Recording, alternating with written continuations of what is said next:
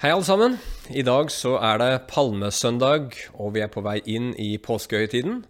Og Derfor så tar vi oss en pause fra forkynnelsen fra Johannes' åpenbaring for å konsentrere oss om de begivenhetene som påsken handler om. Eh, men eh, før vi i dag går til eh, Bibelens ord og dagens påsketekst, så kommer det litt praktiske opplysninger.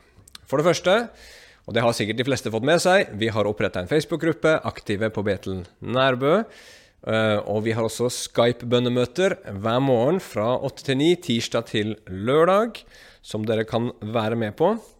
Men en ting som de fleste sikkert ikke vet, men som jeg håper mange har anledning til å være med på, det er at vi har tenkt til å gjennomføre en enkel nattverdsgudstjeneste på Skype på skjærtorsdag klokka 19. Da gjør du klar eh, brød og druesaft hjemme. Og så klikker du deg inn på linken til denne bønnemøtegruppa vår på Skype. Den finner du altså i Facebook-gruppen Aktive på Betel Nærbø. Og så er du med på den. Og jeg håper vi kan bli en god gjeng som eh, deler eh, Herrens måltid sammen den kvelden. Her kommer det mer informasjon på eh, Facebook-gruppa, og det kommer mer informasjon på e-post. Og er det sånn at du trenger hjelp, så er det bare å ta kontakt, så skal vi hjelpe deg med den tekniske biten. Ok, da skal vi gå inn i Guds ord. Siden det er palmesøndag, så skal vi jo selvsagt da snakke om det som skjedde på palmesøndag. Og eh, dagens tekst den finner du i Matteus evangelium, kapittel 21, og så skal vi lese fra vers 1 til 13. Og der står det følgende. Da de nærmet seg Jerusalem og kom til Betfage ved Oljeberget, sendte Jesus to av disiplene av sted.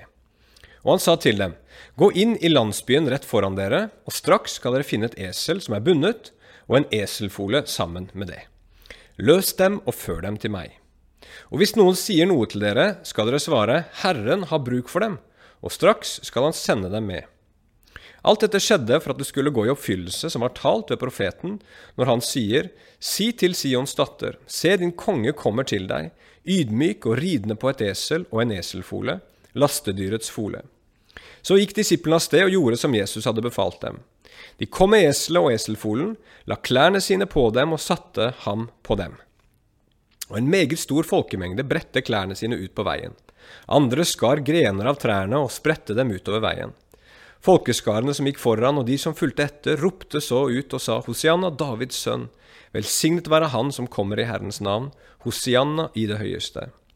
Og da han var kommet inn i Jerusalem, ble hele byen satt i bevegelse og sa, Hvem er dette? Da sa folkemengden, Dette er Jesus, profeten, han fra Nasaret i Galilea. Så gikk Jesus inn i Guds tempel og drev ut alle dem som kjøpte og solgte i tempelet, og veltet bordene til pengevekslerne og stolene til dem som solgte duer. Og han sa til dem, Det er skrevet, Mitt hus skal kalles et bønnens hus, men dere har gjort det til en røverhule.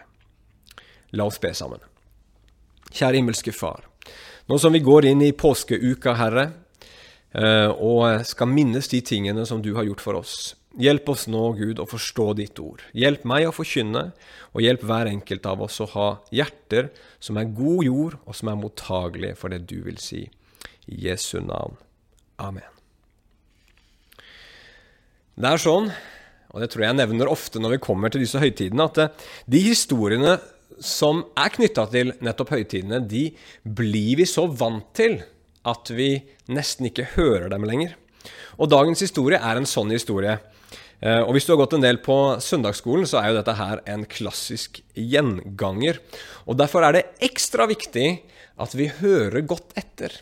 For i alle Bibelens historier, og kanskje spesielt i de historiene som går igjen, så ligger det viktige, dype evangeliske sannheter som åpenbarer Jesus for oss og gjør han levende.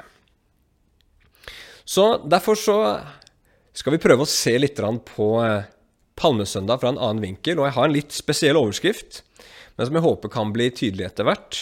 Og den Overskriften er 'En konge uten kors?' spørsmålstegn. En konge uten kors. Og vi skal se fra dagens tekst, det som er eh, helt tydelig, Jesus er konge. Eh, punkt nummer to at han ikke er vår personlige assistent. Og til slutt at han likevel kom for å være vår tjener. Ok, Så mitt første punkt det er Jesus er konge. Jesus han er på vei til Jerusalem og kommer til en landsby som heter Betfage, like ved det velkjente Oljeberget som ligger nord for Jerusalem. Og Her går hovedveien inn til Jerusalem, og her var det sikkert tusenvis av andre pilegrimer som var på vei for å feire påske i den hellige byen. Og Jesus han stopper opp her, og så sender han to av disiplene sine av sted inn i en annen landsby. Kanskje er dette landsbyen Betania, hvor Jesus hadde vært mange ganger, og hvor Maria og Martha og Lasarus bodde. Og så sender han dem inn for å hente en eselfole som står bundet sammen med moren sin. Og De skulle finne denne eselfolen og denne moren straks de kom inn i landsbyen. og De skulle løse dem, ta den med seg, og hvis noen spurte eh, hvorfor de tok denne eselfolen, så skulle de si 'Herren har bruk for den', og så skulle alt være i orden. Som sagt, så gjort. Og vi kan jo lure da på om dette var noe Jesus hadde overnaturlig kunnskap om, eller om det var noe som man hadde avtalt på forhånd, men det vet vi ikke. Uansett så setter da Jesus seg på denne eselfolen som det står at ingen har ridd på tidligere, og så begynner han å ri inn i byen. Antageligvis så er moren til denne eselfolen ved siden av for å roe ned dette unge eselet som blir ridd på for første gang. Men ok, dette er liksom historien. Men så må vi stille spørsmålet hvorfor gjorde Jesus dette? Det var nok ikke sånn at Jesus var sliten, eller at han hadde lyst til å ha en litt mer komfortabel tur det siste stykket inn i byen. Det var faktisk til og med sånn i jødisk skikk at kunne du gå til Jerusalem til fots, så skulle du gjøre det. Nei, her er det helt tydelig at Jesus forsøker å si noe. Og Matteus, som har skrevet dette evangeliet, han understreker det også. Det står at dette skjedde for å oppfylle det som står skrevet hos profeten. Og da er det profeten Zakaria som det siktes til. I Zakaria, en profet som eh, skrev en bok ca. 400 år tidligere, i kapittel 9 og vers 9-10, så står det et sitat som vi skal lese nå, og det som da Matteus delvis siterer her. Så I Zakaria 9,9 så står det følgende.: Fry deg stort, Sions datter. Bryt ut i jubel, Jerusalems datter. Se, din konge kommer til deg. Han er rettferdig og kommer med frelse, ydmyk og ridende på et esel og en eselfole aseninnens fole. Jeg skal utrydde vognen fra Efraim og hesten fra Jerusalem. Krigsbuen skal utryddes. Han skal tale fred til folkeslagene. Hans herredømme skal nå fra hav til hav og fra elven til jordens ender. Så her står det en profeti om en konge som en dag skal komme. Han skal komme ydmykt, ridende på et esel. Han skal bringe frelse, og han skal bringe fred til jordens ender. Og Dette her er en av mange profetier som du finner i Det gamle testamentet i Bibelen, eh, som handler om Messias. Den siste kongen som skal konge, komme, han som skal gjøre slutt på alle kongedømmer, alle kongeriker, og som skal være konge over alle eh, mennesker, konge over hele jorden, og som skal være konge til evig tid, i et rike fullt av rettferd og overflod. Og Når Jesus setter seg på dette eselet og rir inn i Jerusalem, så sier han 'Jeg er denne kongen. Jeg er han som har kommet for å regjere over alle mennesker, over hele jorden, og bringe frelse og bringe fred. Og folkemengden ser Jesus, og de begynner å juble, og de begynner å feire Jesus ved å sitere og antageligvis synge eh, en eh, salme fra Det gamle testamentet, og det er salme 118. Og det er også en salme om en konge, om denne kongen, som skal komme. Og når de hyller Jesus som denne kongen, så sier ikke Jesus 'Nå, nå, nå, ro dere ned, det er, ikke, det er ikke så viktig'. Eller, eller liksom eh, prøver å roe det hele ned. Nei, Jesus lar dem hylle han, Jesus lar dem tiljuble han, og sier seg enig i den lovprisningen han får. Han sier 'Jeg er denne kongen'. Jeg er denne kongen med stor K, som en dag skal komme til jorden og være den siste kongen av alle. Hva betyr det? Jo, det betyr at Jesus, han gjør krav på å få regjere. Ikke bare over hele jordens territorium, men over hvert enkelt menneskes liv, inkludert mitt liv og inkludert ditt liv. Og mer enn en jordisk konge, så er det veldig tydelig i Det gamle testamentet at denne kongen her, han vil ikke bare regjere over alle menneskers liv, men over alt i våre liv. For å bringe absolutt fred på jorden, så må han også kunne regjere over våre tanker, over våre ord, over våre gjerninger, over våre holdninger, over våre eiendeler, over våre følelser, over vår framtid, over våre prioriteringer, ja, over alt det vi er som enkeltmennesker. Og Jesus er veldig klar i Det nye testamentet på følgende at det bare er de som gjør han til en slik konge, som han kan frelse. Det er bare de som, ha, som aksepterer han som sin konge og som sin herre, som han kan hjelpe.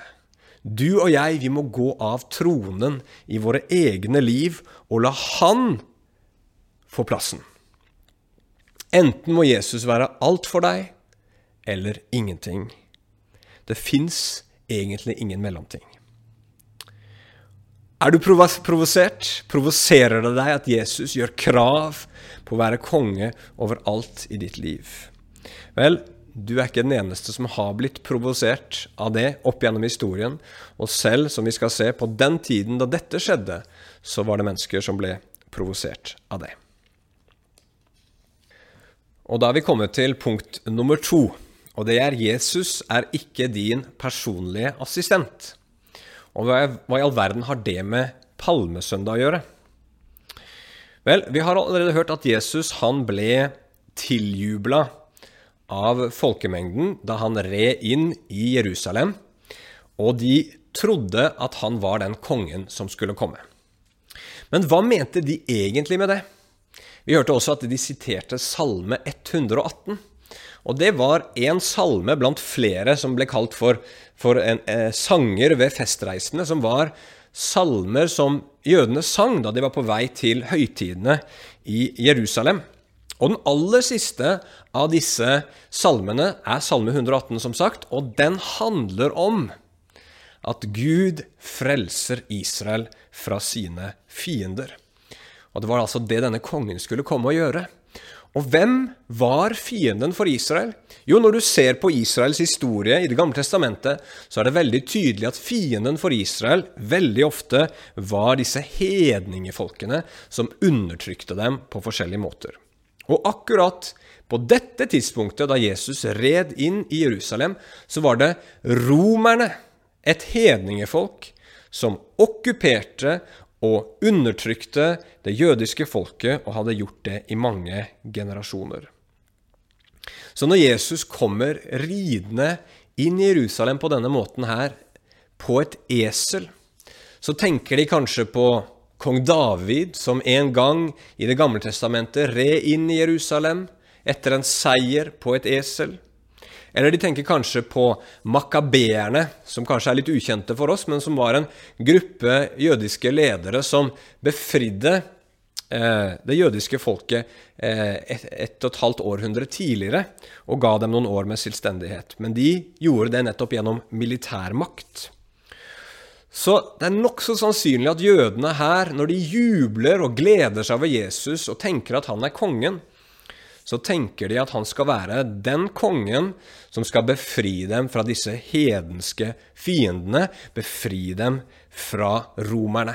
Nå kommer Jesus, så skal han snart ta sverdet i hånden. Han skal snart samle en stor hær, og så skal han bruke disse eh, mektige kreftene sine som han har brukt til å helbrede de syke, og, og, og, og multiplisere eh, brød og fisk sånn at det ble, ble mat nok til store folkemengder. Og skal han bruke disse kreftene for å drive okkupantene på flukt, gi oss selvstendighet og en ny æra av fred og, og, og velstand som eh, vi kan glede oss over og nyte godt av.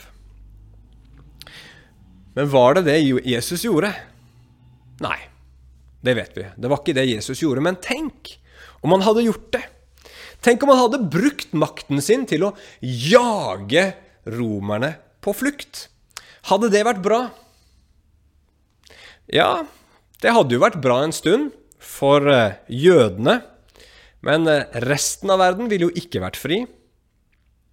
Og selv jødene hadde kanskje ikke vært fri så lenge, for selv i Det gamle testamentet, når de var selvstendige, så var det mang en konge som, eh, en jødisk konge altså, som undertrykte sitt eget folk og, og, og, og tok fra dem friheten. I tillegg så ville ingen, verken jøder eller oss hedninger, vært frie fra syndens slaveri. Altså det at vi gjør det vi ikke vil, og ikke gjør det vi vil. Og ikke minst døden ville fortsatt vært en formidabel fiende som en dag vil knuse oss absolutt alle sammen. Så det de tenkte på, lengta etter og håpte på, det var egentlig ikke noe annet enn at de ikke så lenger enn sin egen nesetipp. Men er det ikke sånn vi også er ganske ofte? Vi vil at Jesus skal være litt sånn som Supermann. Og hvordan er Supermann? Jo, Supermann han bruker jo superkraften sin for å redde oss når vi er i nød. Du sitter kanskje i en bil på kanten av et stup, og så kommer Supermann, flyr han inn, og så eh, løfter han bilen opp til en trygg plass, og så får han deg ut av bilen, eller kanskje du er i et fly som er i ferd med å styrte, og så kommer Supermann med superkraften sin, og så bringer han flyet trygt ned på bakken. Og På samme måte så tror jeg veldig mange av oss tenker at Jesus han skal komme inn i våre liv, og så skal han bruke sin superkraft. Jesus, fiks de negative tankene mine. Jesus, fiks den syke kroppen min. Jesus, fiks ekteskapet mitt. Jesus, fiks økonomien min. Fiks jobbsituasjonen min. Fiks selvfølelsen min. Jesus, fiks bekymringen min. Fiks en mann til meg. Fiks en kone til meg. Jesus, fiks et eller annet i livet mitt. Eller sagt med andre ord, gjør livet mitt, Jesus, sånn som jeg vil ha det. Og hva er det vi gjør da? Jo, da forteller vi Jesus hva vi trenger, og hvordan vi vil at Jesus skal fikse det. Og er det noe galt med det, da? Ja. Men det betyr ikke at Jesus ikke er interessert i livene våre, at Jesus ikke vil eh, eh, bry seg om å gjøre noe med problemene våre. Det er bare at den holdningen der er det et par store problemer med. For det første så gjør du Gud til din personlige assistent. Og en personlig assistent det er en man har som skal hjelpe en på ens eget prosjekt, der man sjøl er sjefen. Å be Gud komme og fikse livene våre slik vi vil, det er på mange måter å ta Guds plass. Og det er både feil, og det er farlig. Det er farlig fordi at når vi nærmer oss Gud på den måten der, så kan du være nokså sikker på at Gud ikke kommer til å gjøre sånn som du ønsker. Og når Gud ikke gjør sånn som du ønsker, så kommer du til å bli skuffa og bitter og dessverre så kjenner jeg til altfor mange mennesker som har forlatt troen sin pga. det. Men det var fordi at i utgangspunktet så hadde de gjort Gud til sin personlige assistent, og det er han ikke. Men det som virkelig burde få oss til å tenke, er følgende. Det er lite av det vi vil at Gud skal gjøre for oss, som egentlig krever et kors. Det er lite av det vi vil at Gud skal gjøre for oss, som egentlig krever et kors. Vi ser stort sett bare for oss at Jesus skal bruke superkraften sin. Og det var det de gjorde i Jerusalem på denne tiden nå. De så for seg at Jesus skulle bruke superkraften sin for å frelse dem. ikke gå hen og dø på et kors? Hvorfor tenkte ikke de sånn, og hvorfor tenker ikke vi veldig ofte sånn heller? Jo, fordi at ingen forstår av oss Ingen av oss forsto den gang, og ingen av oss forstår i dag, hva problemet, hva fienden egentlig er for noe. Og ingen av oss forstår hvor dypt dette problemet vi har, egentlig stikker.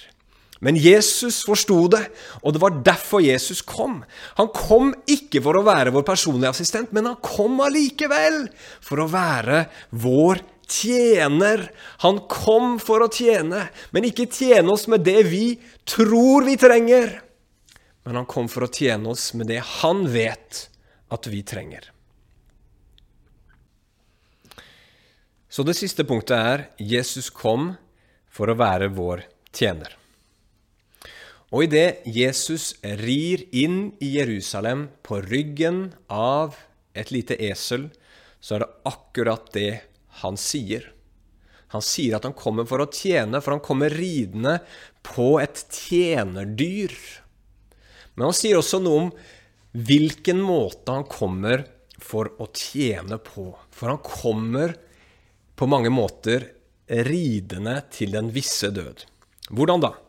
Jo, en forkynner jeg lytta til, han bemerka det at Jesus han satte seg i livsfare ved å framstille seg selv som konge på denne måten, og la seg tiljuble og hylle som konge på denne måten her. For det er klart at når, når han rir, og, og folkemengden sier at han er konge, han er Davids sønn, så var jo det en kjempeprovokasjon for alle de andre som faktisk hadde makt og autoritet i eh, Judea og, og, og, Jerusalem på den tiden. Både de jødiske myndighetene og ikke minst de romerske. Så det, det, betyr at dette her måtte på en eller annen måte bli en konfrontasjon, en slags kamp, en slags krig. Og hvordan kommer Jesus ridende inn i denne kampen og denne konfrontasjonen? Jo, han kommer ridende på et esel. Og eh, et esel er nok et elendig dyr å gå i krig med. Det er ikke spesielt raskt og ikke så lett å manøvrere. og Antageligvis så er du bedre rusta til krig hvis du kommer til fots. Og Når Jesus da kommer ridende på et esel, så sier han 'jeg er forsvarsløs'. Jeg, jeg er konge, men jeg er forsvarsløs. Og jeg kommer ikke for å eh, drepe, men jeg kommer for selv å gi mitt liv. Jeg kommer for å dø. Og som vi vet, så var det akkurat det som skjedde. Og En fascinerende detalj er at Salme 118, som folkemengden siterer her, den snakker også om en stein som bygningsmennene forkasta, men som ble hjørnesteinen. Og da er spørsmålet hvorfor måtte Jesus dø? Jo, for det var bare på den måten Jesus kunne redde oss. Litt senere i historien så er Jesus i Getseman, og han trygler og ber Gud om at hvis det fins en annen vei, en annen mulighet for at han kan frelse oss, så ber han om at dette begeret, dette dødens beger, må gå ham forbi. Men det fins bare denne veien. Jesus skulle ikke være som de andre kongene, sa han i kapittel 20, men han skulle være en konge som kom for å tjene og gi sitt liv som løsepenge for mange. Og Jesus han hjelper oss i denne historien her å vise oss hvor skoen trykker. Hvor er problemet vårt? For istedenfor å gå i krig mot romerne, så går han inn i tempelet. Og hva gjør han der? Jo, han driver ut alle de som kjøper og selger i tempelet. Og Da tenker vi ofte at det gjorde Jesus selvsagt for at de drev og snøt med penger og, og, og gjorde sikkert et eller annet som ikke var bra. Men det fins faktisk ingen grunn til å tro at det var noe spesielt eh, eh, med svindel eller, eller eh, noe ulovlig eller noe, noe, som på en måte skjedde der som, som, ikke var bra. Antageligvis så skjedde dette her på ganske anstendig og skikkelig vis. Og så kommer Jesus inn i dette anstendige etablissementet, og så sier han at dette her er en røverhule. Hvordan kunne han si noe sånt? Jo, han kunne si det fordi at tempelet det var det stedet som israelittene hadde fått av Gud for å kunne møte han.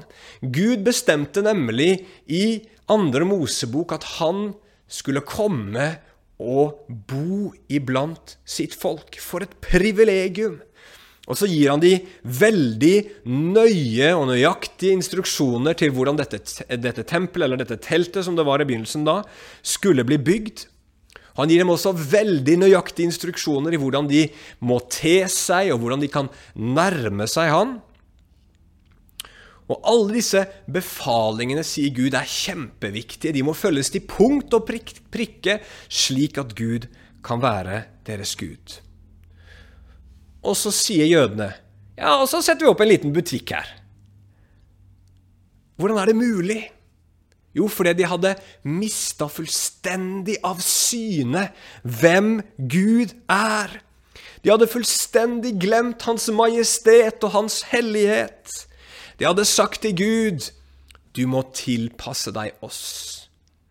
Du må være sånn som vi vil at du skal være. Og så røva de hans plass. Og derfor ble det til en røverhule. Og det er det samme vi også gjør når vi gjør sånn som vi snakka om i stad, når vi forteller Gud hva vi trenger, og hvordan vi vil at Han skal gjøre det for oss, hvordan Han skal redde oss, hva Han må gi oss. Problemet vårt, som Bibelen kaller for synd, det er at vi mennesker har tatt og røva Guds plass. Og Derfor så er vårt forhold til Gud fullstendig ødelagt. Vi er, vi, i opprør mot Han som har skapt oss, og som er kilden til selve livet vårt. Og da er det jo katastrofe. Og Derfor så bruker Bibelen veldig sterke ord om hvor ødelagt denne relasjonen til Gud er. Vi er døde. Vi er fortapt. Vi er i mørket, og vi er uten håp, sier Bibelen. Og her fins også kilden til all vår elendighet. Når vi som mennesker tar Guds plass, så får vi, sånn som vi har sett flere ganger i historien, folkemord og massakrer, og vi gjør oss til herre over død og over liv. Men det at vi også forsøker å ta Guds plass, det gjør at våre liv er fylt av så vanlige og dagligdagse ting som at vi blir syke av bekymring fordi vi er redde for at livene våre ikke skal bli slik vi vil at de skal være. Og det gjør også at vi er i stand til å gjøre så mye vondt mot hverandre for at livene våre skal bli slik som vi ønsker at de skal være. Og hvordan kan vi helbredes fra dette? Jo, sier Bibelen, Jesus må dø. Vår synd er uendelig, for vi har forkasta en uendelig Gud. Og vårt hjerte er av stein, for vi har stått imot Han som er kjærligheten selv, og gjort opprør mot Han. Problemet er ubeskrivelig stort. Det er vanskelig å finne ord for det. Jeg forstår det ikke fullt ut. Bibelen forsøker å nå inn til oss for å beskrive hvor stort problemet vårt er.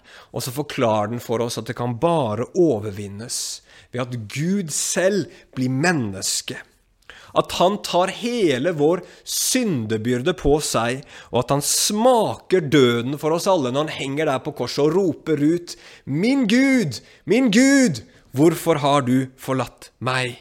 Jesus Kristus, Guds sønn, ble forratt av Gud Fader der på korset i vårt sted. Vi tok Guds plass, og for å kunne redde oss, så må Gud nå gjennom Jesus ta vår plass i den død som vi fortjener. Og den prisen som Jesus betaler her på korset, er enorm. Og i møte med det evangeliet så fins det egentlig bare to mulige gjensvar. Hvis ikke du faller inn i en av disse kategoriene her, så har du ikke egentlig forstått hva Bibelen sier. Enten så møter du med forakt. Det høres dumt ut. Det høres veikt og svakt ut at Gud må dø for å kunne redde oss. Og da vil varmen ifra evangeliet egentlig bare forherde hjertet ditt enda mer. Eller så er du nødt til å bøye deg ned og tilbe Jesus Kristus. Og da vil varmen ifra korset, varmen ifra Jesu død, smelte ditt og mitt egoistiske hjerte, og så vil vi få et helt nytt liv ved at Den hellige ånd kommer inn og gir oss eh, eh, nytt liv. Og da er det ingenting du heller vil enn å gjøre Jesus til konge og gi han alt. Og det er sånn Jesus blir en konge, som det sto om i Zakaria 9, hvor han skulle bli konge over hele jorda, og samtidig ta bort og ødelegge alle våpen. Han blir konge på grunn av sitt kjærlighetsoffer, som gjør at han vinner våre hjerter. Og spørsmålet som vi må stille oss, det er følgende Vil du ha en personlig superhelt uten noe kors? Eller vil du ha en tjenerkonge som døde for deg? Og det er valget mellom et halvsant, lunkent evangelium, som nok kan vekke en god del takknemlighet og beundring for Jesus, men som dypest sett ikke forandrer så veldig mye, eller det sanne evangeliet, som føder mennesket på nytt og er Guds kraft til frelse. Og Jeg har lyst til å avslutte med å illustrere dette her litt tydeligere. For noen år siden så lytta jeg til en taleserie og en undervisning om forkynnelse av en som heter Tim Keller. Og Han snakka om historien om den demonbesatte mannen som Jesus møter da han går i land øst for Genesaretsjøen. Eh, den historien finner du bl.a. i Markus 5. Og, og eh, dette er jo historien om denne, denne mannen da, som eh, bundet av massevis av onde ånder eh, raver rundt naken. og Han er så full av indre smerte at han skjærer seg opp med steiner. Og så møter han Jesus, og så driver Jesus hele denne flokken med demoner ut. Og merkelig nok da inn i en svineflokk som løper ut i havet. Og så blir mannen fri, og så sitter mannen der påkledd, og så står det at han var frisk til sinns. Og hele landsbyen der han kom fra, får se det og bli forundra. Og så spør Tim Keller, som har denne undervisninga, hvordan forkynner vi dette til mennesker i dag? En måte det kan forkynnes på, sier han, er følgende. Du kan si Jesus kan sette deg fri. Han kan bryte lenkene over livet ditt. Han kan ta bort din nakenhet og din skam. Han kan helbrede din smerte og dine sår, akkurat som han gjorde med denne demonbesatte mannen. Og det er sant, og det er fantastisk. Men, sier han, det er på en måte bare halve evangeliet. For enhver historie vi leser i evangeliene i Det nye testamentet, de må leses i lys av korset som kroner dem. Og Derfor sier han at det er sånn vi bør forkynne det. Vi skal si Jesus kan sette deg fri fra bånd og lenker, fordi han selv ble bundet og gikk til korset og døde for deg. Jesus kan ta bort din skam og din nakenhet, fordi han lot seg avkle og henge på et kors til spott og spe for din skyld. Jesus kan helbrede din smerte og dine sår, fordi han ble såra for våre misgjerninger og knust for våre overtredelser da han døde i vårt sted. Ser du tegninga? Hva slags Jesus tror du på? En superhelt som hjelper deg med sin superkraft, og som du liker og beundrer og gjerne vil bli litt mer lik? Eller ser du på Jesus som en som er så mye mer enn en superhelt. En som kom fra det høyeste høye og gikk ned i det laveste lave.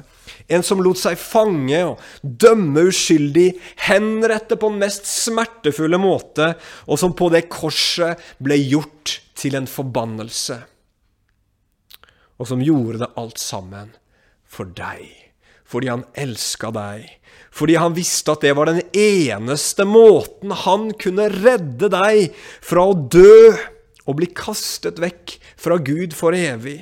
Og det var den eneste måten han kunne gi deg fred og evig liv sammen med Gud. En sånn Jesus som det kan man bare kaste seg ned på ansiktet for og gi alt. En sånn Jesus som det er man villig til å leve for, og en sånn Jesus som det er man villig til å dø for. La oss be til slutt. Herre, jeg ber om at din gode ånd må la ordet få bli skarpt og trenge inn i våre hjerter, så vi kan se, Herre, Der hvor vi bare har redusert deg til en superhelt som skal komme med kraften din, Jesus, og gjøre et par småting og fikse litt hist og her. Og så må du hjelpe oss, Hellige Ånd, til å se at du ble menneske og ga absolutt alt for oss, for å nå inn i det dypeste dypet av vårt hjerte, og ta ut syndens svulst, Herre, og rense oss fullstendig rene, sånn at vi som var fortapt og fortjent å gå fortapt, i stedet for skulle få evig liv, istedenfor skulle få fred med deg, og bli fylt med din ånd og bli et Guds barn. Herre, hjelp oss til å se dette nå, og hjelp oss til å leve med deg som konge i våre liv. Amen. Takk for i dag, og Gud velsigne dere.